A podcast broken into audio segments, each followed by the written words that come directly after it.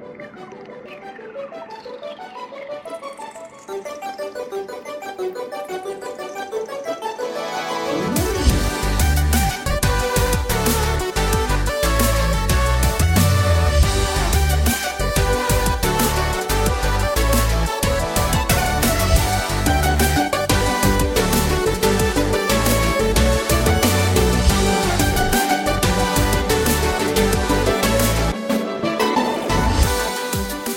Deg, hei på deg, på deg, på deg som hører på. Enten du hører på dette på Patrion i sånn august-ish, eller om du hører på det en eller annen gang utover høsten.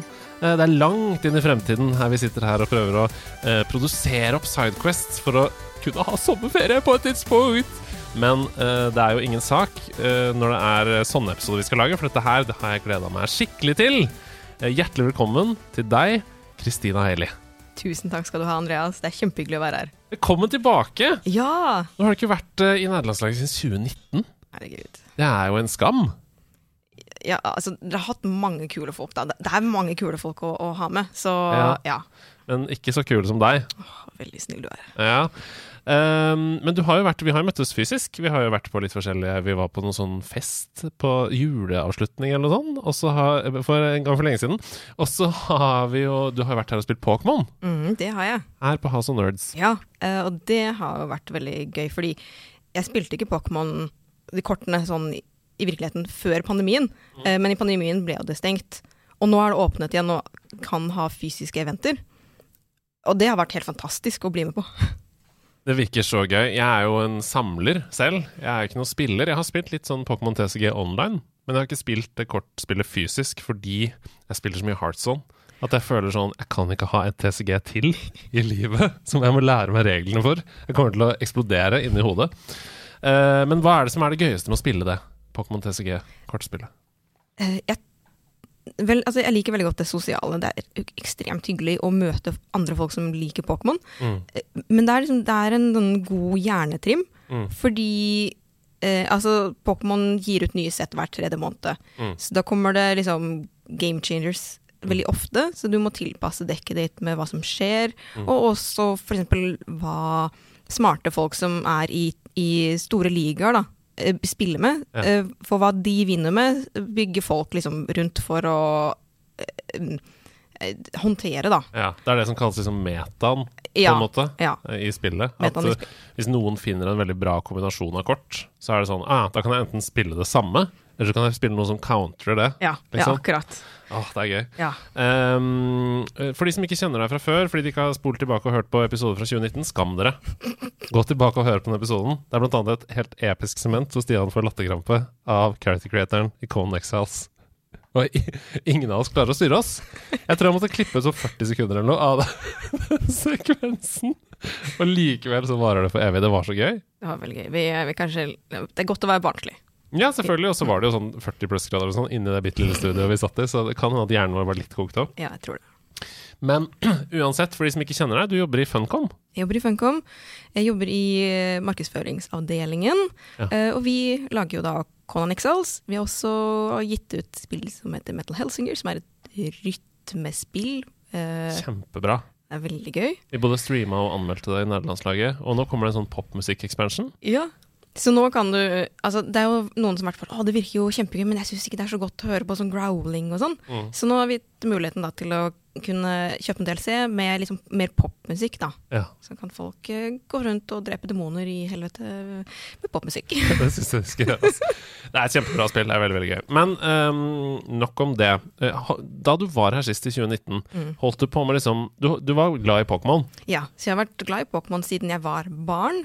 Mm. Eh, skal ikke si hvor gammel jeg er. Men eh, eh, jo da, eh, Pokémon fantes da jeg var liten, og da var liksom Pokémon-kort kult, spillene var kult og alle sånne ting. Mm. Um, men så eh, Jeg vet ikke om det har liksom vært noe med Som student og sånn, så, så flyttet jeg en del. Da, da var det sånn der, prøve å finne det beste stedet å bo til best pris og sånne ting. Mm. Så jeg ville liksom ikke ha så stor samling av ting. Mm. Men så kjøpte jeg en leilighet sammen med mannen min i 2020. Og så bare sånn Vent litt. Jeg kan unleashe min crazy indre samler. så da tok min Pokémon-mani eh, Den fant nye høyder. Ja, ja, ja. Eh, så nå har jeg en ganske god kolleksjon av av bamser, kort, figurer, alt mulig ting. Klistremerker, mm. plakater, et kort som det står velkom... nei, 'gratulerer' eller noe, med Pikachu på utsiden. Ja, det er laget av en av mine beste venner, og hun er helt fantastisk. Og det Altså, sånne ting. Sånne personlige ting som folk bare sånn Ja, jeg vet du liker dette, så jeg lagde dette deg. Åh, jeg elsker det. Eh, så ja, eh, så derfor så lagde jeg også en Instagram-konto, da. Fordi dette var under pandemien, og altså Jeg kjenner veldig mange nerder. Mm. Jeg, jeg kjenner Altså, eh, unnskyld Andreas, det er ikke meninga å si at jeg ikke kjenner deg og sånn, altså, men Hæ, vi er jo venner! jeg kjenner ikke så mange som liker Pokémon. Nei! Så, um, og spesielt liksom ikke uh, Altså Vennene mine syns det er greit å kanskje snakke om Pokémon i ti minutter, og så er det bare sånn der Ja, ja. Please. Finn ditt eget space, liksom. Ja. Jeg orker ikke å høre om evolving av Voltorb mer nå. Nå har vi snakka om det i to timer. Sånn, den den steinen og alt sånne ting. Det er bare sånn, du trenger til å utvikle Ja, jeg skjønner, det er greit, det er mye ting. Ja. Så, så det å finne da et community på Instagram, hvor, Mm. hvor jeg kunne snakke med folk om Pokémon hele dagen, Mm. eh, det, det var helt utrolig gøy. Mm. Den er så fin og gjennomført, den profilen. Gå inn på og se på den alle sammen. Pokémon Trainer Chris eh, heter den. Pokémon Trainer Chris. Um, men jo, det er jo litt samme historie for meg, for jeg samla jo på Pokémon-kort da jeg var liten. Men så ga jeg meg med Team Rocket. Etter det så ble jeg sånn, du vet i den dumme alderen hvor du tror at du er for gammel til å drive med barnslige ting. Så jeg la det fra meg. Og så tok jeg det opp igjen i 2020. Så det var helt samme som deg. Eh, og nå er jeg jo veldig glad i det, jeg også. Men du skrev til meg, for dette er jo eh, ikke ba Det skal ikke bare handle om Pokémon, men det skal mest handle om det. Du skrev til meg noe jeg tenker ofte på, det, veldig, det elsker jeg at du skriver, at du tenker ofte på dette. Eh, da blir jeg varm i hjertet. Det er tidsreise i Pokémon-spillene. Det tenker du ofte på når du sitter på do, når du går tur, når du lager middag. Så tenker du ofte på tidsreise i Pokémon-spillene. Eh, de gjør så mye med det nå. Det har egentlig alltid vært mye om hva som skjedde i fortiden. Kan ikke vi snakke litt om det? sa du. Og det er klart vi kan det! Klart vi kan det. Dette er Sidequest, alt er lov. Så jeg har tatt med meg og så har jeg forberedt noen punkter. Og så sendte du også over noen små temaer du ville ta opp, og så har jeg lagt til et par, da. Eh, så jeg tenker at vi snakker oss gjennom dem, og så ramser vi opp fem velkjente spill på slutten, som ikke har noe med Pokémon å gjøre, der hvor tidsreise er sentralt. Høres det bra ut? Ja, kjempebra. Ja, så bra. Jeg har gjort dette i kronologisk rekkefølge, selvfølgelig. Krono. Nice. Nice. Hey, let's go. uh, så vi begynner da på starten, da. Helt i starten. Og den aller første gangen, tror jeg, du må arrestere meg hvis jeg tar feil her, men den første gangen som tidsreise dukka opp i Pokémon-universet, uavhengig av liksom anime eller manga eller eh, spill eller film eller noe, det var i de første hovedspillene i andre generasjon. Um, og vet du hva jeg sikter til da? Den um, den derre ballmaskinen. Ja, for dette er- Nå quizer jeg deg samtidig, det er dårlig gjort. Men time capsule, Ja, mm, Time Capsule. den sender jo Pokémon fram og tilbake i tid. Veldig lurt måte å legitimere trading Mm. mellom gen 1 og gen 2. Kan ikke du fortelle litt om det? Husker du at du opplevde det, eller? Um, jeg husker ikke det så veldig godt, dessverre. Det Mm. eneste er at det var, var vel veldig begrensa Altså hva du kunne sende videre, da. At det kunne ikke ha noe sånn der Hvis du skulle sende tilbake ting liksom fra gen 2 til gen 1, så kunne det ikke ha moveset fra gen 2. Det kunne Mm. liksom ikke ha noe items, Mm. sånne ting. Ja, det måtte ha masse sånne fordi nettopp fordi spillet ville det, det funker ikke. Det har, det har ikke informasjonen til å Nettopp. vise kjøre det. Ja. Så eh, jeg tror også det var en sånn begrensning om at eh, Ja, altså fra gen 1 til gen 2, ikke noe problem. Mm. Men fra gen 2 til gen 1, masse problem. ja, ja. Så hvis du skal ha Mariel inn, i, uh, inn ved siden av Pikachu, f.eks., i Pokémon blå, Mm. problem. Mm. Uh, Men det, det, det er jo ofte sånn altså Selv om du liker Kanto, så, så er det ikke noe problem å liksom ha det gøy i, i, i Gen 2 eller Johto, fordi du får jo liksom på måte alt. mm. Så, så du kan liksom kan du bare føre over alle Gen 1-pokémonene dine du vil ha med til Gen 2, da, så kan du Mm.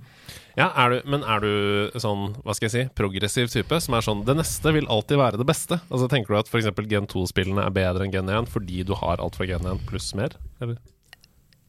Ehm, Jeg er vel ikke helt sånn Det nye vil alltid være det beste, men jeg er ikke, jeg er ikke sånn ekstrem av liksom det første jeg møtte, var det beste. Nei. Uh, altså uh, Gen 1 og Kanto har betydd ekstremt mye for meg. Ja. Uh, men altså Jeg føler spilleopplevelsen har blitt bedre og bedre. Ja, ja, jeg er helt enig. Det, ja. Hvis du går tilbake på det og ser på det, så er det mye, mye bugs og rart, som of course er liksom eh, på en måte nå nesten sett på som Hva skal jeg si Sånn eh, Istedenfor sånn, you know, sinte gamere som klager på bugs, så er det sånn Denne kule tingen kan du oppdage, og så kanskje det ødelegger saven din, men eh, du kan oppdage den kanskje, da. Ja, sånn som Missing No, for eksempel, Ja. i, i de første spillene. Ja. Nei, men jeg er helt enig. Jeg, jeg var egentlig, det, var litt klønete formulert, men det jeg tenkte på, var sånn Er du åpen for at når det kommer noe nytt, så er det sånn Å, dette er Istedenfor å tviholde på gamle ting. Altså, jeg er også sånn Hvis det kommer en ny sjokolade i butikken, så vil jeg smake på den. Ja, Liksom. ja, ja. Nei, jeg, jeg er veldig glad i nye ting. Jeg syns det er vi, vi har fortsatt det gamle. Ja. Det, det går ingen steder. Det blir ikke ødelagt av at noe nytt blir prøvd. Um, så altså, jeg syns det har vært kjempegøy med, med alle Switch-spillene som har kommet til Pokémon. Mm. Ja. Det kan, fa- akkurat det der kan faktisk ikke bli sagt nok ganger. Um, vi har det gamle, Ja. selv om det kommer nytt, folkens. Ja. Ikke fortvil. Mm. Ocarina of Time fins fortsatt. Selv om Breath of the Wild fins, og du kanskje ikke liker den åpne verden. Det Ocarina of Time. Du må bare drikke kaffe underveis. Dette er en low-key eh, sidequest. Dere hører Åh, det er iskaffe i glasset på Kristinas eh, side av bordet. Nei, men uh, jeg syns det var interessant, i hvert fall, at det første grepet de valgte å gå for, for å tenke sånn Hvordan skal vi legitimere den tradingen? Det er tidsreise, liksom. Er du generelt eh, interessert i tidsreiser? Er det liksom vært en greie for deg? Ja, egentlig. Um, og hver gang jeg tror jeg har som grepet på det og forstår bare sånn, ok, det her er sånn det kan fungere, dette virker logisk, så er det bare sånn Men, men hvis tidsreiser hadde vært ekte, og det hadde skjedd, hadde det ikke skjedd uansett, hvordan kan det da bli endret? for det blir sånn infinite loop på en måte i Ja, hodet. ja. Åh, jeg syns det er så vanskelig. Hvordan, ok, Kan ikke du bare kjapt Hvis du skulle logisk forklart Mhm. hvordan tidsreise kanskje kunne fungert um, Har du lyst til å prøve? Okay. Jeg syns det er så vanskelig. Ja. Ok, så da antar jeg at kanskje det ville være lurt med en, en, en tidslinje, Mm. og så at man kommer til et visst punkt i tidslinjen. Oh, vet du hva? Altså, da må man vel skape sånn alternative univers istedenfor tidsreiser, kanskje? da? Kanskje det som skjer? Ja, sånn som i Zelda, for der er det jo parallelle eh, tidslinjer i Zelda-universet. Ja, jeg, jeg, Eh, jeg fikk liksom flashback til den der eh, Loki-serien. Ja, ikke sant, ja. Ja. Og så kan man veve de inn i hverandre på en måte, Ja. på et tidspunkt. Noen ganger så treffer de hverandre igjen, og så Sklir de vekk fra hverandre igjen, ja. Ja, Mm. ja da kan det kanskje Da kan det gå, uten at man skaper sånn uh, Hva skal jeg si Hvis du går tilbake til Alle bruker jo det eksempelet om å dra tilbake til og ta livet av Hitler. Ikke sant? Mm, mm, Men hva ville da skjedd? Eh, hadde verden sett annerledes ut fordi butterfly-effekt? Exakt, ja, exactly. Eh, Men da kan man unngå det. Ja. Man kan skli ut og inn av Ja. virkeligheten. Mm. Ok, vi, vi går Big videre. brain time. Big brain, galaxy brain. uh, så jeg, jeg har gjort meg en liten notis uh, ved at det er spesielt to Pokémon Mm. som vi vet at evner å reise i tid. Den ene av dem er kjent som The Time Travel Pokémon. Celebi. Mhm. Søt, eller?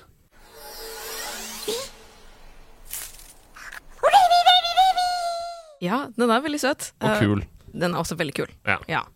Hvilket forhold har du til Celebi, egentlig? Um, mest som barn, da jeg så filmen som jeg ikke husker hva heter Mm, mm. Ja, det er på Celebi er hovedperson, ja. Ja. Uh, jeg bare googler det. Pokémon Movie Celebi Main Character. Kan ikke google det? Pokémon Forever? Ja, Ja. den er det, vet du. Tenk på det. Mm. Google er vennen din. Ja. Pokémon Forever, ja. 2001. Hvor gammel var du da? Du kan innrømme det. Det er ikke noe dårlig gjort her i, i denne podkasten. Eh, Når på året kom den ut, da? godt uh, spørsmål. Pokémon Forever. Jeg tipper rundt i juletider, eller? Uh, de aller fleste sånne ting kommer til holiday season. Vet du hva? Det var ikke jule, juletider, det var julitider. I 7. juli 2001. Ja, da var jeg fortsatt 11. Ja. Ja. Så du er jo mye yngre enn meg. For jeg er jo født i, på 80-tallet! Men jeg er også født på 80-tallet. Ok, Ja, 89. 88. Så du er mye yngre enn meg. Mye yngre! Herlighet, det er bare Du ga jo mange gode år igjen. Eh, Nei, men Pokémon Forever. Du var 11, ja. Mm. Da gikk du på Ja, for dette var før reform Nei, det var 97. Så du hadde også hoppa over et klassetrinn. Ja, ja. Hoppa over femte klasse? Nei, tredje? Jeg hoppa over andre klasse. over andre klasse, ja. Ja. Du gikk Det er så fortsatt rart. Ja, veldig rart. Jeg gikk aldri i tredje. Stemmer det. Rett fra andre til fjerde. ja, det var bare sånn derre jeg, jeg skjønner ikke helt hva logikken deres var, men Tidsreise. Tidsreise. Hey! Nei, men eh, Så du gikk i sjette klasse, Pokémon Forever kom, og Selby eh, kom inn i livet ditt. Mm. Um, det var jo en vanskelig overgangsfase, fordi jeg var ikke helt sånn klar for å gi slipp på de første 151. Nei, altså, jeg syns jo Altså jeg, Jeg vet ikke om jeg kanskje ikke var den skarpeste kniven i skuffen som kid, da. Men jeg bare sånn, jeg slet lenge med det å skjønne det at Pichu var liksom første steget til Pikachu. Det var bare sånn Mm. Hæ? Hæ? Baby-Pokémon? Ja, sånn, ja, fordi vi så jo Pikachu som en baby, ja. og så plutselig så Fins det noe mer Ja. før? Ja. Ja, det var også rart. Jeg syns også Baby-Pokémon var rart da det kom. Men nå syns jeg det er helt fantastisk. da Ja. Uh, Og, og Neo- Neo-kortene, altså Gen 2-kortene med, med Pichu og sånn, Oh de er så fine. Så fine. Det er helt sykt. Jeg får gåsehud av å snakke om det. Men ja, eh, Celebi, The Time Travel Pokémon, mm -hmm. uh, har jo vært til stede i flere forskjellige tidsperioder. Dukker opp rett som der, Mhm. liksom, i Pokémon-universet. Kan du si noe liksom kort om hvordan det der er? Hvor mange, hvor mange tidsperioder er det vi snakker om i Pokémon-historien, liksom? I det, I det store og hele. Ja, det er det sikkert ikke alle som har oversikt over i det hele tatt, men bare sånn on the fly. Jeg vet ikke helt hvordan jeg enkelt skal gå igjennom det, da. Men altså, man ser jo for eksempel Altså, Pokémon-historien generelt er ganske subtile. Mm. Det er sånn de, de, de sier veldig sjelden ting rett ut. Mm. De, for eksempel, du leser kanskje noe i en bok, og så må du liksom bare ehm, stifte det sammen med ting som du visste fra før av, eller eventuelt blir fortalt av noen andre. Mm. Så eh, for eksempel da, fra Gen 1 til Gen 2, så ser man at Red eh, vokser opp, blir, mm. blir eldre. Så ok, samme muligens, da, samme univers. Altså hovedpersonen i spillet. Ja, hovedpersonen fra Gen 1 er da liksom en, en eh, champion master som du må kan, kan bekjempe da, i Gen 2. Og til de som ikke har hørt på dette før, Red, altså hovedpersonen i Gen 1, er ikke Ash Ketchum. Red og Ash er to forskjellige personer. Uh, I utgangspunktet, i hvert fall. Ja. Ja. Selv om det virker som, som Pokémon-historien sånn er veldig kaotisk, Mm. så er det som regel mening og tanke bak det. Så, Mm. så for eksempel uh, da vi fikk uh, Legends Arceus, -hmm. så vi, vi kommer dit, altså. Det det, er, Ja. vi, kommer, dit, for Ja. jeg har jo sagt kronologisk, så vi skal ja, både innom uh, Masters EX og Legends Arcus etterpå. Men jeg er helt enig. Um, det er mange forskjellige tidsperioder, eh, og de sklir inn i hverandre. Um, og vi kommer med et sånn kicker-spørsmål til slutt, som kommer til å eh, sprenge hodene til de som hører på. Men uh, Celebi, altså. Time Travel Pokémon. Mm. Hoppa tilbake og fram og tilbake mellom ulike tidsperioder. Og den andre er Dialga.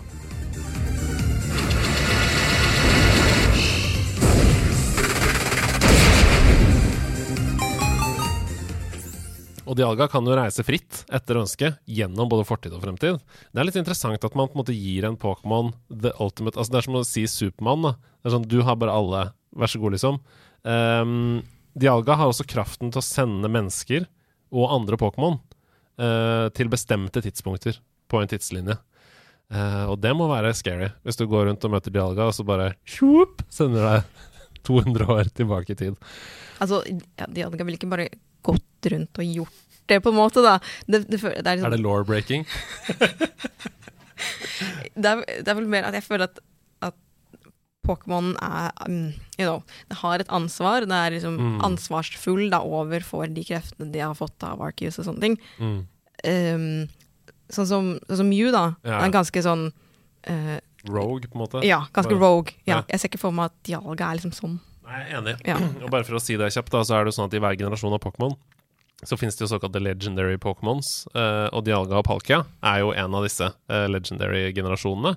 Eh, og som du, du nevnte bare kort, men Arceus er på en måte skaperen, som om det skulle vært en gud, på en måte da, Mm. som har skapt hele universet. Eh, eller i hvert fall deler av det, eller? Ja, Og Ja, altså, det også det som er tildelt krefter til de forskjellige og sånn. ja, for det er det Sinno Sånn regionsmytologien er, Mm. er at Arceus skapte universet, og så ja, um, ga liksom tidskrefter til Dialga, og så Mm. Hva blir det på norsk til Palkia? Um, Men hvis Dialga styrer over tiden, på en måte, da, så rom! Rom! Heter det, of course. Rom heter det. Ja? Herregud. Ja, ja. Tid og rom i hverandre. Ja. Der er vi. Ja, men interessant. Mm. Um, hvis vi hopper videre fra dette, fra disse to tidsstyrte Pokémonene, så er det jo sånn at uh, dette kommer igjen og igjen. Uh, vi snakket litt om Pokémon Mystery Dungeon Mm. før vi gikk live her. Og historien i spillene Mystery Dungeon, Explorers of Time uh, og Darkness of Sky involverer jo i stor grad tidsreiser. i Pokémon-verden. Jeg vet ikke om du har spilt noen av disse spillene? Jeg har ikke noe forhold til Pokémon uh, Mystery Dungeon i det hele tatt. Jeg har sett litt streams og sånn på Twitch, men jeg har ikke, noe, har ikke spilt det selv. Nei, altså det er sånne spill som jeg har spilt for kjempelenge siden, men som ikke har grepet meg så mye, da. Så det er sånn, Mm. ok, kanskje jeg spilte liksom you know, tre timer, og så Ja. ja. Men anyways, vi har ikke så mye forhold til spillene. Jeg ville bare opplyse om at det skjer der Ja. også. Mm. Men i Pokémon Black 2 og White 2 eh, så handler en av Pokestar Studios sine filmserier Altså Pokestar Studios er et fiktivt filmstudio i Black 2 og White 2. Og en av deres filmserier handler om å reise til framtiden med en tidsmaskin i de spillene. Ja. Um, spilte du dem noen gang? Nei, så jeg uh, hadde bare white, Ja. så jeg, jeg, fikk, um, jeg fikk aldri liksom toeren. Men jeg, har, jeg, har, jeg, kjøpt, jeg kjøpte det for en stund siden Mm. og skulle spille det. Men så de Pokémon slutter ikke å gi ut spill. Nei, de gjør ikke det. Og um, altså, jeg, hadde ikke vært den beste dialgaen, kanskje, da, for jeg er ikke så god på Mm, tidsorganisering og sånn, kanskje. så, skjønner. Eh, så ja, nei, det står fortsatt på spill, at skal Ja, spillelista. bucketlista, liksom. Ja. Um, Mm. Hva heter det, det når det fyller seg opp på Steam? Og du har Backloggen? backlog. backlog. Mm, mm, Nei, men det som er Jeg spilte først Black i voksen alder. mm. Det var kjempebra. Fy søren, Black og White. Det er jo helt fantastiske spill. Veldig vanskelige spill. Og Ja. det er bra, fordi Pokémon-spillene har en tendens til å kanskje bli for lette. Uh, Black veldig, veldig bra. Men jeg tror Black 2 og White 2 gikk på den samme uh, smellen som We og Wii U. Fordi det hadde samme navn, med bare et totall bak. Oh, ja. Så det var litt usikkerhet. Er dette en ordentlig oppfølger? Er det bare en utvidelse, sånn som Pokémon gul Mm. versus rød og blå, liksom? Er det det samme spillet, bare med litt eh, Ikke sant? Men faktum var jo at de bare hadde så mye å fortelle fra det universet at de trengte et helt nytt spill Mm. eh, til Black 2 og White 2. Så jeg har heller ikke spilt det. Jeg har ikke spilt oppfølgeren. Um, men jeg bare synes det var interessant at selv inni fiksjonen, så er det Mm. fiksjon som omhandler tidsreiser. Ja, det er veldig gøy. Det blir sånn der, eh, mange metanivå. Ja, det blir sånn Inception-fiction. Ja. Mm. Ja. Så skal vi til Masters EX, dette mobilspillet. Uh, eller mobilspillet ned, er vel riktig å si. Uh, Adaman og Irida, Mm. som er eh, full art trainers i Pokémon TCG-systemet, de blir jo frakta til dagens Pasio, som er den øya der hvor det spillet foregår, gjennom en space-time disruption, som du var inne på i stad. Kan du snakke litt om, om det? Det, er, på en måte sånn ekstrem fanservice-spill, Mm. hvor de tar liksom alt som folk har liksom teoretisert om, snakket om, øh, og lett innom alle slags små notater og bøker i spillene i årevis, Mm. og så bare går de og setter de i spill og bare sier bare sånn Ja, se, se her. Hæ? Hæ? hæ? Um, Sånn, sånn kunne det vært. ja, Sånn som dere hadde tenkt at det kanskje kunne vært. ja. Ja. Disse karakterene er sammen, og sånn, Å, du trodde at disse kanskje eksisterte i parallelle universer, men nå er de her. Hm, hva betyr det? Hva betyr det? Ja. Um, så Nei, Det er uansett interessant å uh, se at de tør å leke med det. da Og tør å bare plassere de karakterene inn i et sted hvor de egentlig ikke skal være. Ja. Paso er jo ganske unik. i Omtales jo nesten ikke noe annet sted mm, i Pokémon-Lauren i det hele tatt. Men uh, hva var det jeg tenkte på? Jo, jeg syns det er gøy at når de først skal lage sånn fanservice-spill, da og stappe inn alle disse, så er det et mobilspill Ja. som når flest mulig. det syns jeg er veldig gøy. Uh, det virker nesten litt sånn eh, Pokémon Go-aktig, at det er sånn um, ja, Nå har vi en sjanse til å på en måte dra inn så mange som mulig, så da bare spiller vi på alle de eh, fanteoriene som har vært tidligere. Mm. Men eh, ja, Pokémon Masters EX generelt, og Pasio. Åssen syns du det er å henge der? Har du, har du spilt det mye, eller? Nei, jeg har ikke spilt så mye. Jeg, jeg vet ikke hvorfor. Um, men jeg, jeg er ikke så veldig glad i å spille på mobil. Mm. Jeg vet liksom ikke om det er liksom utformingen eller UI eller hva det er, da. Mm. Um, og så syns jeg det fort blir litt sånn grindy. Ja, litt enig. Ja. Jeg kan også kjenne på det at jeg blir forstyrra, fordi det er den jeg- verktøyet jeg bruker Ja, hele tiden. ja. Ja, for det var liksom, det var det jeg lurte på. Liksom, er det kanskje derfor? Liksom, ja, men jeg, jeg tror det er akkurat de samme opplevelsen jeg har. At det er sånn det, det var litt sånn som da jeg måtte jobbe hjemmefra i pandemien Mm. og satt på PC-en. Jeg Mm. hadde ikke så lyst til å spille PC-spill etter jobb. Mm. Jeg kjenner meg veldig igjen. Ja. Og så er det det at uh, det er vanskelig å bryte med vaner, så selv om du tar på ikke forstyrr, at, at du får ikke push-varsler og sånn, Mm. så tar du deg selv i, i en loading screen for da, og legger ned spillet og åpner Instagram. Ja. Og så bare Hva er det jeg driver med? Ja. Jeg er jo inne i spillet, jeg skal jo spille, jeg skal ikke åpne Instagram nå. Det er veldig irriterende. ja. Så mobilspill har litt vei å gå der. Det er derfor jeg tror at disse eh, dedikerte håndholdte konsollene kommer til å få en ny vår. Da. Mm. Vi ser det liksom med Steamdeck og Asus ROG og eh, ja, altså mange andre varianter også som kommer opp. Ja. Eh, PlayStation prøver seg med sin PS5 streame håndholdt konsoll. Mm. Switch, ikke minst. Ja. ja, nei, jeg krysser veldig fingrene, fordi jeg, jeg syns det er veldig mye all, mer ålreit, da. Mm. Ja. Jeg er helt enig. En dedikert maskin. Mm. Bare egentlig mest fordi jeg er et dumt uh, dyr av et menneske Ja. som ja. ikke klarer å bryte mine vaner. Men ok, hovedpoenget, kanskje mm. hele grunnen til at vi har denne episoden, Mm. Pokémon Legends Arceus. Der er det ikke bare ett tilfelle. Og jeg ble veldig sånn overraska over det da jeg begynte å spille det. eh, at um, det var så, at de tok så mange sjanser, og det var så mye nytt. Og jeg ble veldig glad i det spillet. da Ja. Jeg elsker det. Jeg liker det bedre enn Sword and Shield. Mm. Jeg liker det også bedre enn eh, Scarlet og Violet. Jeg tror det er et av mine favoritt-moderne Pokémon-spill, rett og slett. Mange deler av det spillet toucher innom tidsreise. Eh, men ta oss gjennom anslaget, sånn som Mhm. du var på vei til i stad. Teoriene rundt det anslaget. ja. Ok, så du får bare si fra hvis det blir surrete, da, for det er Det blir det alltid uansett. Ja. Vi tar Sidequest, så Surquest kunne hett. uh, ok, så uh, sånn, Det hele starter med at det er en karakter som blir slengt tilbake i tid av Arcus uh, itself. Mhm. Um, men har, har med seg da en moderne mobillignende sak. Mm. Eh, og så har den på seg klær som har vært sånn fan-teori, konspirasjonsgreie. Sånn, hvem er denne personen, og sånne ting. Men det som mest sannsynlig da er at det er Dawn eller Lucas fra uh, Bri- uh, Ikke remakene. Uh, eh, Shining Pearl og Brilliant Diamond. ja, takk. Ja. Som da heter Diamond and Pearl i Ja. første utgivelser. Ja, for jeg trodde det var liksom at klærne sa noe om Alola-regionen. Men et sted er det referanse til at søsteren til Dawn har dratt til Alola. Ja. Jeg har ikke sett eller bekreftet det selv, Nei. men altså hvis, for de er jo mye likere Dawn og Lucas enn Celine og han stakkars fyren som aldri får noe som er helseoppmerksomhet, som jeg ikke husker hva heter. Fra, Ja, stemmer. Nei, ikke jeg heller. Men jeg vet hvem du mener. Ja.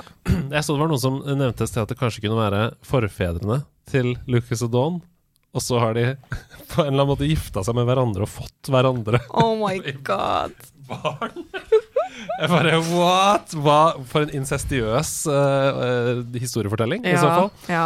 Jeg, tror ikke det er så ille, men så personen som ikke er deg, da, som ikke er spillekarakteren, Mm, det er ikke Lucas eller Dawn. mm, Det er Ray eller Akari, som mm. tilhører tiden i His Hisui. Ja. Så det er sånn der, det, det sier de ganske tydelig på Pokémon sine sider. Ja. Um, når man starter Pokémon-spillet, så er man en elleveårig kid som får sin første Pokémon ja, Pokémon for første gang. mhm, Uh, men i spillet så sier de også at du er 15 år ish, mm. og du har Du vet allerede hvordan en del Pokémon-ting fungerer. Så det liksom uh, tyder mer på da at dette er en av de tidligere starterpersonene som har liksom vært Mm. igjennom den første gangen, og som nå får på en måte, på en måte får en oppfølger, da. Mm. Ja, Ja. skjønner. Mm. For du skrev jo også i uh, meldingen uh, Ble de i fortiden Ja. for alltid? Mm. Eller kan vi se på noen andre spill at de kom seg tilbake til sin alder igjen? Ja. Har du tenkt noe rundt det? Eller? ja, jeg har ikke funnet ut noe mer. Nei, altså, det, kan, det kan godt være at, liksom, at det er noen som har teori på det ennå, Ja. men det har ikke, det har ikke nådd meg, da. Nei, ikke meg. Um, for eksempel, et, et, jeg tror han heter Inigo, Inigo, eller hvordan man sier det. Uh, men han som er sånn togstasjonboss i Mm. Unova, som er black and white, Mm. han er også i Hisui. Hisui. Mm. Um, og i Unova så er det sånn, jeg vet ikke om det er grotte eller hva man kan kalle det, så hvor det står liksom et sånt skilt utenfor at uh, går du langt nok inni her, så havner du i Sinnoh. Mm. Så det er sånn Ok, var det en sånn callback hele tiden til at er det, er det derfor han er der? Mm. Så Ja, så det kan hende at det enten er som sagt en forefather, Mhm. eller at han bare hadde uh, hacka systemet og vandrer fritt mellom regionene pga. disse hulene da, som du snakker om. At det er noen som har liksom skjønt sånn Ja, det er ikke farlig. Jeg bare, som I beste survival horror-stil så bare fortsetter jeg å gå framover. Og så ser jeg hvor det ender. ja. Ender opp i Sinno. Ja, det er interessant. Eh, Jeg håper jo at de eh, eksperimenterer mer med dette i fremtiden, um, når maskinvaren eh, tillater det. Så at man faktisk kan reise mellom regioner da, i samme spill. Det hadde vært helt fantastisk. Det hadde vært så gøy. Jeg hadde blitt kjempeglad hvis de blir liksom mer og mer eksplisitt på dette her. At det er sånn Det er faktisk en masse story, det er masse law. Mm. De, de går over de ulike spillene. Det er liksom ikke bare kaos og rare ting som skjer og ja. Altså Hvis du tenker på spill som Assassin's Creed, for eksempel, da, Mhm. der uh, veksler man jo mellom moderne tid og forskjellige tidsperioder i Mhm. forskjellige spill. Um, det er jo ikke noen grunn til at det ikke skal kunne fungere i Pokémon heller. Um, men jeg tror altså Der ta, tar man jo en annen karakter. Ikke sant? Man legger seg ned i en maskin, i, og så inntar man på en måte via DNA en annen karakter.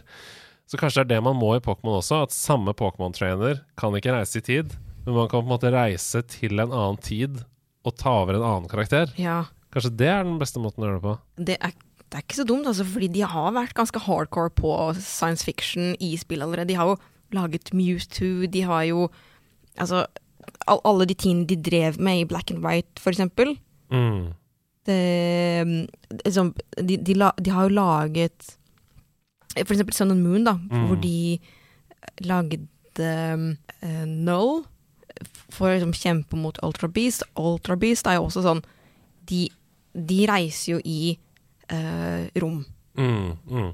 Jeg kan bare si kjapt også at øh, for de som ikke henger helt med på terminologien, uh, så er det jo sånn at tid, å reise i tid, det er å stå på samme sted, f.eks. her hvor vi sitter nå, på House of Nerds, og så hoppe tilbake til 1825. På samme sted. Å reise i rom er å være på samme sted til samme tid, men i et parallelt univers. Ikke sant? Er vi enige da? Jeg, jeg mener det, altså. Ja, jeg mener også det. Mm. Så det, når du hører sånn 'reise i tid og rom, rom, rom, rom' på Dørrene Dal, eksempel, så gir ikke det helt med, mening. Fordi å reise i tid og rom på likt, det er unødvendig. Du kan jo bare reise i rom, så er du et helt annet sted uansett. Ja, ok, men uh, skjønner hva jeg mener, da. I hvert fall. Det er forskjellen. Ja, men jeg er enig. Um, reise i rom og ikke i tid. Ja. Mm. Enig. Um, vi må hoppe fram til Scarlett og Violet. For der hadde du ganske mange tanker. Uh, du snakket om fremtids- og fortids-Pokémon som dukker opp. ja. Um, mm. Um, sånn som med Legends Arceus, da. Det er jo, det er jo det er ett spill. Det er, ikke, det er ikke to spill sånn som Red and Blue, Gold, Silver, something. Mm. Um, det er mer sånn som you know, Crystal, Gul og sånne ting. Mm. Uh, Scarlet og Violet, så er det to spill, og der er det jo Det har alltid vært forskjeller, da, men det er så, det er så tydelig forskjell, for det er jo hver sin professor. Mm. Det synes jeg var liksom veldig spennende. Mm. Og så viser det seg at den ene professoren er helt obsessed med fortiden, og den andre er helt obsessed med fremtiden. Mm. Um, så jeg, jeg har spilt uh, Scarlet da, fordi jeg syns Altså, jeg, jeg studerte historie, så jeg syns gamle ting og sånn er litt kulere. Um, men der har de da laget en maskin som henter inn Pokémon fra liksom langt tilbake i tid, eller Mm. langt i fremtiden.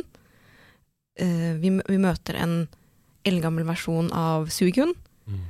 Mm. Altså, det har vært litt sånn teorier på men kanskje er, er det hvordan, hvordan henger det sammen med, med resten av Lauren, eksempel vi lærte i Joto? da Mm. der snakker de om at um, ja, Suikun har liksom you know, eksistert i årtusener og liksom slipt og sånne ting. Mm. Men, men kanskje, kanskje det er liksom mer sånn mange millioner år Mm. tilbake enn i Scarlet and Violet, og da gjør det kanskje mening. Ja, fordi plutselig så utvider man uh, rammene veldig, da, i det spillet. Det er sånn wow, ok, vi har tenkt så smått, men nå er det liksom sånn alle muligheter er åpne. Ja.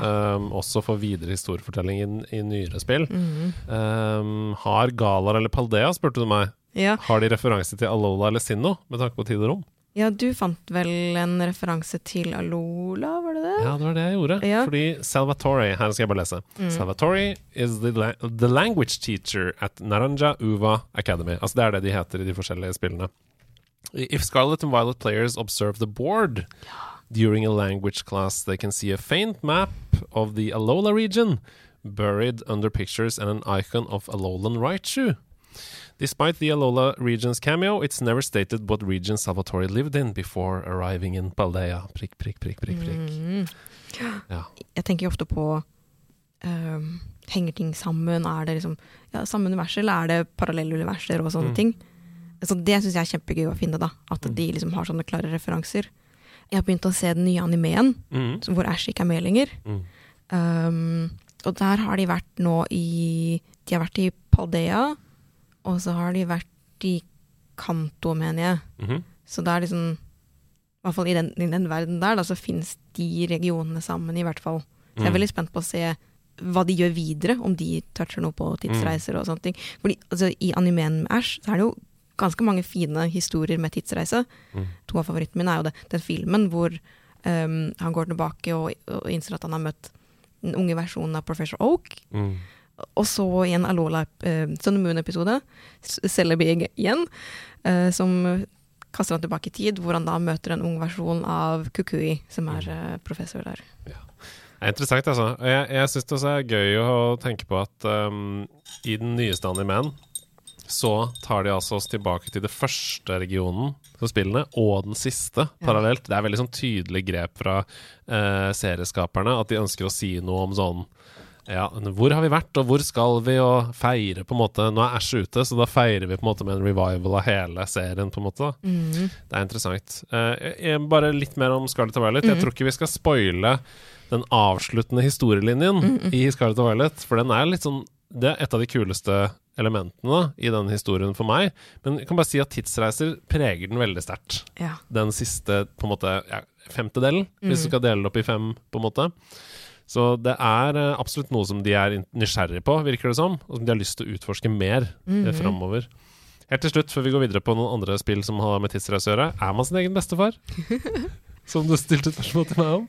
Jeg skrev jo nei da i parentes, men eh, Men hvem vet? Fortell, hva er teorien? Altså, jeg, jeg, tror ikke det er liksom, folk som går tilbake i tid og, og, og, og tuller med ting. Jeg tror det er liksom, sånn familiære likheter. At Mm. de er liksom sine egne personer, da, på en måte. Ja. Ja. Fordi teorien ville jo vært da selvfølgelig at eh, Ja, som vi snakket om i stad, at en karakter går tilbake i tid og på en måte befrukter sin egen mor, og føder Den moren føder seg selv i fremtiden. Sånn at hvis du, hvis du ser tilbake i tid, så er det sånn Oi, det er jeg som har skapt meg selv. Selv, Mm. selv, selv. selv. Det er jo veldig uh, mindfuck, Ja. kan man si. Ja. Det vil også oppstå til del genproblematikk, Ja, tror jeg, jeg tror det. Jeg tar, med tiden. de, de er jo veldig opptatt av gener i Ja. Pokémon. Ja, definitivt. I Arcus eh, Legends Nei, Legends Arcus. Jeg sier alltid det feil vei. Eh, I Legends Arcus så er det jo masse sånne ting hele tiden, og masse teorier om Men det er også fordi man er, det er så tidlig tilbake i tid. Man er usikre på hva egentlig Pokémon er. ikke sant? Ja. De snakker om sånn Er de farlige? Kan de være våre venner? Å, vi må holde oss unna dem. Ja, hvem er du som plutselig eh, frakter Pokémon rundt i beholdere? Vik fra oss! Og så er det sånn korsing, liksom. ja. Det er veldig Jeg, jeg liker det konseptet godt eh, i det spillet. Og jeg tror også, eh, hvis vi skal se på tidligere Pokémon-spill, da, så må det være en grunn til at dette Legends kolon, og så kommer det en Pokémon. Mm. Det gir jo mening at vi får et spill som heter Legends Dialga, for eksempel, senere. Eller Legends Suicune, for eksempel. ja. Altså legendary Pokémon som har sin egen historie, da. Tror du ikke det? Jeg håper det. Ja. Jeg tror de spillene hadde vært skikkelig basert på, på Arcus. da. Mm. Jeg syns det var et skikkelig bra spill. og jeg- syns det var også så gøy, de, de nye mechanicsene som de introduserte. Mm. Jeg synes også at det handler om research og sånn. Ja. istedenfor jeg, jeg likte det veldig godt. Mm. Um, så følte jeg, meg, jeg følte meg nærere til Pokémonene generelt. Det var liksom som å leve side om side med dem, i Mm. større grad. Ok, Fem andre spill som på ulikt vis toucher innom tidsreise. Får vi se da hvor mange du har spilt. Ja. Uh, la oss bare for kommersielle årsaker kalle det topp fem. Uh, så begynner vi på femteplass. Selv om jeg kanskje egentlig ville sagt dette er ikke rangert. Eh, men på femteplass Outer Wilds. Mm. Et ganske unikt spill som på ikke på langt nær ble spilt av så mange som det fortjener, syns jeg, da det kom. Nå ligger det på GamePass, så plukk det opp, folkens. Eh, spillet tar for seg en sånn tidssløyfe der hvor solen forvandles til en supernova som ødelegger alt på 22 minutter. Du har 22 minutter, så må du reise tilbake i tid og gjennomføre da samme sløyfe på, på nytt mange ganger for å få nye hint til å, hvordan du skal komme deg gjennom spillet. da. Så hvis du, du starter på en planet, liksom, og så ser du ti forskjellige planeter, så er det sånn OK, jeg kan ikke gå på alle ti, jeg har 22 minutter. Jeg går for den. Og så finner vi ut av hva som skjer der. Så der sprenger. OK, vi begynner på nytt igjen. Da går vi på den. Det er en ganske kul gameplay loop, syns jeg. Har du spilt det? Jeg er dessverre en av de som ikke har spilt det. Mm. Eh, jeg var veldig gira på da det kom, og så var det vel det Outer Worlds, Mm. og så kom også Outer Wilds, Mm. som forvirra meg veldig. Mm. Eh, så jeg er ikke sikker på om det var noe annet spill som kom i samme periode som forstyrret meg, da. Eller om jeg bare glemte det fordi eh, hamsterbrain. Mm. Men eh, ja, det er definitivt noe jeg har lyst til å spille, da. Ja. Så når du sier det er på GamePass, så skal jeg bare notere at Ja, det er det. Det er veldig tilgjengelig, og det, du, trenger, altså, du kan spille det i enten 22 minutter eller i 22 timer, uh, og få en fin opplevelse uansett. Så anbefaler alle å, å teste ut det. Og ikke En ting som er veldig viktig, ikke la deg stresse. Ikke tenk sånn Ja, nei, jeg må klare det innen 22 minutter. Det har du ikke sjanse til uansett. Så bare ta den tiden du trenger, og gjør det, liksom. Det gjør ingenting. Du, du føler ikke at du har tapt masse progress hvis når sola sprenger, på en måte. Ja, for det er vel sånn Det er nesten at du må gjennom det, på en måte, da, fordi du lærer Mm. et, hver gang du spiller gjennom. Akkurat som at det er meningen at du skal dø på den første fienden i Bloodborne, så er det meningen at måte, sola skal sprenge. Det, ja. Ok, eh, Fjerdeplass, Life is Strange. Eh, tidsreiser er jo et tema i mange av Square Enix sine Final Fantasy-spill. Eh, men jeg syns det er lettest forklart i Square Enix sitt Life is Strange. Det er derfor jeg tok med det. Der funker det så sømløst, det funker så bra, og det er rett og slett et gameplay-mechanic å reise i tid. Nå preger det hovedpersonen vår, og hun blir sliten og får vondt av å reise i tid, men du må gjøre det. Eh, for å kunne ta valg på nytt. Så her er det noen som har stilt seg spørsmålet det evige spørsmålet når man er i puberteten og tar mange dårlige valg som man lærer av. Hva hvis du kunne tatt de valgene på nytt? Hva hadde skjedd da? Ja, kanskje det ikke hadde blitt noe bedre uansett. Uh, jeg, har du spilt det? Jeg har spilt det. Har du spilt alle, eller bare uh, jeg tror første og det andre. Ja, Before the Storm er vel det andre. Mm. Og så har ikke jeg heller spilt Life is Strange 2, det heter vel, med hun nye hovedpersonen. Ja, nei, Det har jeg heller ikke spilt. Um, hørte det var mye prat og lite action, så da følte jeg Mm. Vet du hva, det orker jeg ikke uh, akkurat nå i livet. Men jeg kan kanskje plukke det opp senere. Men likte du det, eller? Jeg likte det veldig godt. Mm. Jeg syns det er gøy, da. Sånn um, Det er et annet spill vi kanskje kan snakke om etterpå. Uh, fordi jeg syns det er så gøy når Sånn, hva skjer hvis jeg gjør X? Mm. Sånne spill syns jeg er kjempegøy. Mm. Og spesielt hvis det er sånn Ok, hun har det litt kjipt da når hun bruker kreftene sine, men sånn Når det ikke gjør noe Jeg sier det i hermetegn. Når det ikke gjør noe og, og mm. gjør dette her, Uh, at liksom bare Å, hva gjør det for noe? Hva gjør det for noe? Mm. Um, at man da, det, er, det er en slags sånn um, konsekvensfri utforskning Mm. som får skje, som jeg syns er veldig gøy. Ja, jeg syns også det er gøy uh, i spill der hvor man har muligheten Altså, jeg liker at det står ting på spill, og at jeg må ta et valg, Ja, men jeg liker også sånn La meg teste litt X, og la meg teste litt Y. Jeg ender på Y, jeg. Mm. Det liker jeg godt også. ja. Tredjeplass, Kronotrigger. Uh, åpenbart et sjukt komplekst spill når det kommer til tidsreise, men det må være på pallen fordi det er hele poenget med spillet. Altså Det heter Kronotrigger. Hele poenget med spillet er å reise i tid. Du bruker såkalte gates, eh, og i de gatesene så alternerer du mellom fortiden og enhver annen tid, faktisk. Middelalderen, framtiden, apokalypsen. Du kan hoppe fram og tilbake mellom mange forskjellige uh, tidsaldre da, i Kronotrigger. Ikke så mye i Krono Cross, men uh, de spillene handler om tidsreise. Super Nintendo. Fins det noe spill til GameCube også? Ja, det gjør det sikkert, ja. Fordi jeg, jeg, jeg, jeg har ikke spilt det, men jeg mener at en venninne av meg var obsessed med det. Men Ja. det var på GameCube, så hvis ikke det er samme serie, så Det kan ha vært det, altså. Ja. Jeg har bare Krono Trigger og Krono Cross som jeg kommer på. Uh, Carl i Level Up, helt uh, Ja, han prøvde å tvinge Rune til å spille det. Spilte det i en halvtime, og så bare Nei, men det er liksom Han er ikke turn-based, og du vet Nei, nei altså det, det er veldig Veldig smal sjanger, på en måte, da. Ja, det er det. Andreplassen, Titanfall 2. I det glimrende skytespillet Titanfall 2 så er det uh, ett spesifikt oppdrag som er helt fantastisk. Det benytter seg eksemplarisk av tidsreise, sånn som jeg uh, mener man burde gjøre det. Det heter, det er ett mission. Det heter Effect and Cause. Og Den lar deg altså skifte mellom fortid og nåtid i lufta. Mens du løper, mens du skyter, mens du plattformer deg gjennom et militæranlegg. Og det funker så utrolig bra i det missionet at selv om du ikke er innom den tidsreisemekanikken i noen av de andre delene av kampanjen, så er det på lista. Fordi Titanfall var jo eh, forgjengeren til Apex Legends, så wallrunning eksempel er jo en ting. Så hvis du løper langs veggen, og så ser du her er en stor gap, så hopper du yep. i, tilbake i tid, og da er det en plattform der. Fordi det var det i den fabrikken før de bygde om. Og så hopper du videre, yep, tilbake til nåtiden. Liksom sømløst mens du skyter på fiender. Og i den ene tiden så er det ingen fiender. Den andre, når du hopper ut igjen, så er det pua, pua, pua, masse fiender som skyter på deg. Kjempegøy. Um, Titanfall 2 jeg mener det er det beste singleplayer FPS-kampanjen som fins. Um, og dette er en av grunnene til det. Fordi det utfordrer så mange av de konvensjonelle FPS-tingene. Veldig kult. Jeg husker ikke om jeg har spilt én eller to, men jeg har også bare spilt det med venner. Og det var, det var bare litt Mm, Ja. mm. Men jeg bare husker det fordi den, den liksom jeg liker veldig godt sånn Mech-greier, Mm. og, og wallrunningen Mm. var så kult. Eh, men jeg tror kanskje jeg må plukke det opp igjen, fordi det hørtes ganske gøy ut. Altså, Singleplayer-delen i Titanfall 2 kommer du gjennom på sånn åtte timer eller noe sånt. Mm. Uh, og det er en utrolig kul opplevelse.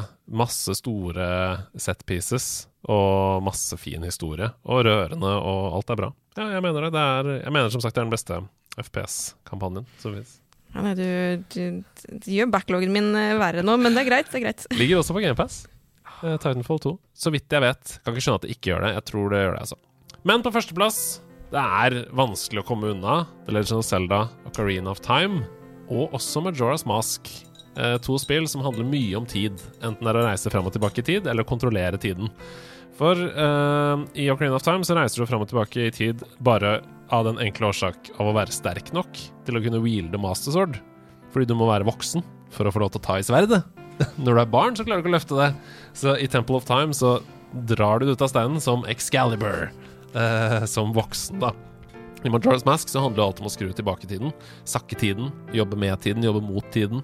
eh, hele tiden. Det er på en måte segmentet Nei, jeg mener poenget i det spillet.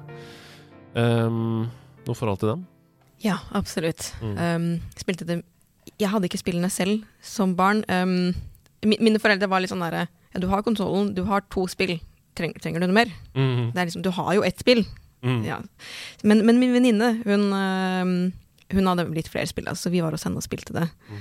Så jeg har liksom ikke fått som, Jeg har jo nå spilt remakesene, men Mm. uh, fra da jeg var liten, så var det sånn Det var veldig skummelt. Ja, for det var det, ass. Ja, sånn, sånn Altså sånne der, eh, skrikende zombier som prøver å klemme deg. Ulven i skogen syns jeg var dritskummel. Grusomt. Ja. Um, så det, det husker jeg veldig godt, da. Men også det Ja, altså, OK, han um, maskeselgeren og sånn. Skullkid, ja. ja. Ja, og- ja, og ikke ja, maskeselgeren, Ja, ikke minst. ja. Han som står og gnir seg Ja. i håndene. You've met with a terrible fate, haven't you? Kjempe, kjempeskummelt! Månen i hodet! Ja, Jeg vil ikke ha det. nei, altså, så, så nei, de, de er veldig sånn eh, near and dear to me. Mm. Både av sånn nostalgi, henge med venner og spille, Mm. uh, skrekk i sjelen, men også det liksom hvor hvor kult de kunne lage en episk historie. Det er sånn der, Hver gang jeg var ute i skogen og sånne ting, det var, det var alltid sånn derre Å, jeg, jeg, Mm, jeg, jeg, er. Link, og Ja, ja. ja. Vi kunne selvfølgelig tatt med 1000 andre spill. Vi kunne tatt med Crash Bandicoot 4. Det Mhm. spillet heter It's About Time. Uh, vi kunne tatt med Ratchet Clank Rift Apart, hvor de hopper fram og tilbake i tid.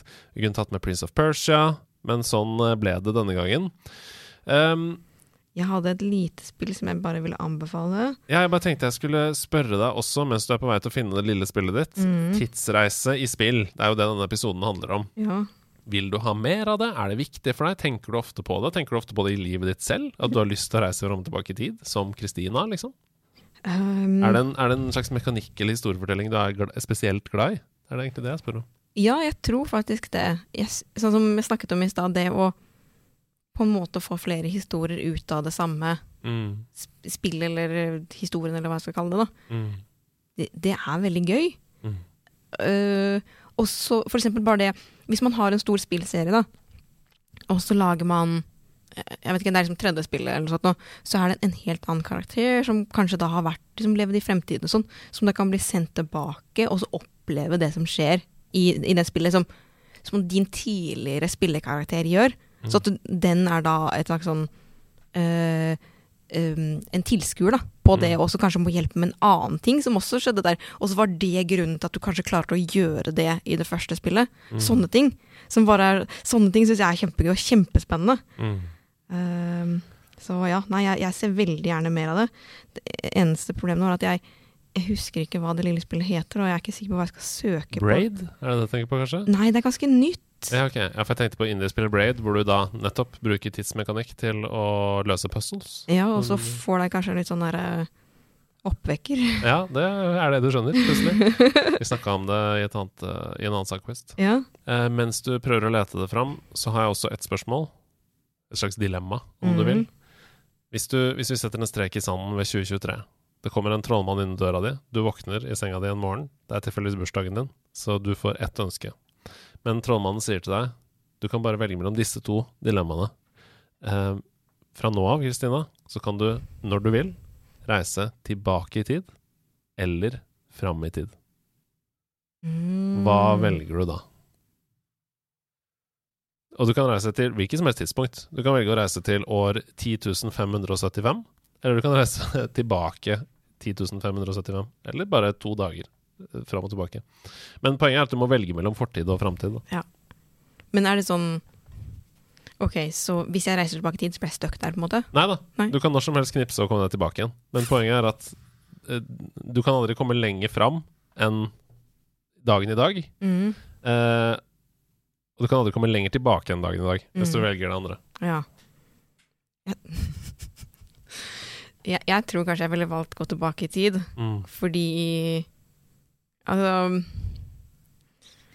Litt sånn you know, Litt sånn voksengreie her, da, men det er sånn derre no, Litt sånn økonomisk krise nå. Mm. Det har vært fint å liksom kunne planlagt litt bedre for det. Ja. Uh, kanskje investert i noe smart. Ja. Um, ja, litt, litt sånn forskjellige ting, da. Så, så ja, jeg tror jeg ville gått tilbake i tid, og så liksom med det jeg vet nå, så planlagt bedre også, da kanskje Og det er litt interessant, fordi både du og jeg sa innledningsvis i denne episoden at vi var nysgjerrige på nye ting, og hadde lyst til å spise en ny sjokolade når det kom på butikken, men jeg er helt enig med deg. Jeg vil også reise tilbake i tid, og jeg har en mye mer dystopisk grunn, ja. og det er fordi jeg er livredd for framtiden. ja. Jeg hadde, hvis jeg hadde hoppa 1000 år fram i tid og sett at det ikke er noe jord, Ja. eksempel, ja. 1000 år er for lite, men si 10 000, da, Ja. så hadde jeg fått helt panikkangst Ja. og reist tilbake igjen i tid da og bare Hvis det Ja, å vite det og bare skulle go on with my life. Ja, og så altså, hvis du prøver å si det til noen Ja, ja, så, da blir det jo lagt inn, liksom. Exactly. Så jeg vil mye heller reise tilbake i tid, hvor jeg vet at ja da, livet var helt forferdelig, og vi snakker første verdenskrig, og vi snakker øh, svartedauden og helt grusomme ting som har skjedd tidligere. Men vi er en sivilisasjon nå som klarer seg sånn tålelig greit. Ja. Så jeg vet at det på en måte gikk bra til slutt. Mm. Det hadde jeg ikke visst hvis jeg hadde reist fram i tid. Nei. Kanskje. Det kan godt hende at jeg kommer til en tid også hvor alt er mye bedre. Alle lever i harmoni, og det er god stemning, og vi har funnet opp et boblesystem som gjør at jorda har det bra. Og, ikke sant? Det kan hende det, men jeg er ikke keen på å finne det ut. Nei. Nei, vet du hva, jeg, jeg, jeg er på det samme. Og det, hvis jeg reiser tilbake i tid, så kan jeg også sånn være med og kanskje hjelpe Ok, kanskje vi kan prøve å finne you know, altså vindkraft tidligere, eller Mm. alternativer til olje tidligere, et eller annet sånt. da. Mm. Være med på det i stedet. Ja. Jeg tror jeg må sette strek eh, her jeg, i denne episoden. Så hvis du ennå ikke har funnet fram til det lille spillet ditt, så får vi leve i uvisshet for resten av våre liv. Ja. Liv, liv. Men siden vi har snakket om masse om GamePass, det er på GamePass. Det er um, Jeg husker ikke hva slags Du spiller et lite dyr, mener jeg. Ja. Og det er en bok. Boka er fortellerstemmen, og så må du ta valg. Du finner ord rundt om i verden, Mhm. og i ordene bestemmer hva slags handling du gjør. For eksempel, du finner um, kaste eller plukke opp, da. Og så, så Ok, du går og går og finner en stein. Tar du og kaster den, plukker du den opp. Og, så, og du kaster Ja. den. Du kastet den på vennen din, som nå får et blåveis. Ja. Og, Så det er litt sånn Metroidvania på en måte òg. At når du har funnet et ord som kan gi deg en ny egenskap, da kan du nå nye områder, ja. på en måte. Ja. mhm, Gøy. ja. Nei, men Det høres jo veldig gøy ut. Det, nå har dere sikkert fått nok informasjon til å google, eh, så lenge det også er på GamePass. Det er på GamePass, så jeg håper dere finner det. Det anbefales veldig. Det er sånn vet ikke, fem-seks timer, kanskje mindre. Jeg er litt treig spiller, så skikkelig sånn hyggelig liten kveldsopplegg. Tusen takk for at du ville sitte her og skravle med meg om tid i spill. Tidsreiser. Det var kjempegøy. Veldig Ja. spennende. Og det er jo et konsept som vi begge to er veldig nysgjerrige på, åpenbart. Nei, tusen takk, Andreas. Dette var kjempegøy. The, it was a good time. Oh. god helg.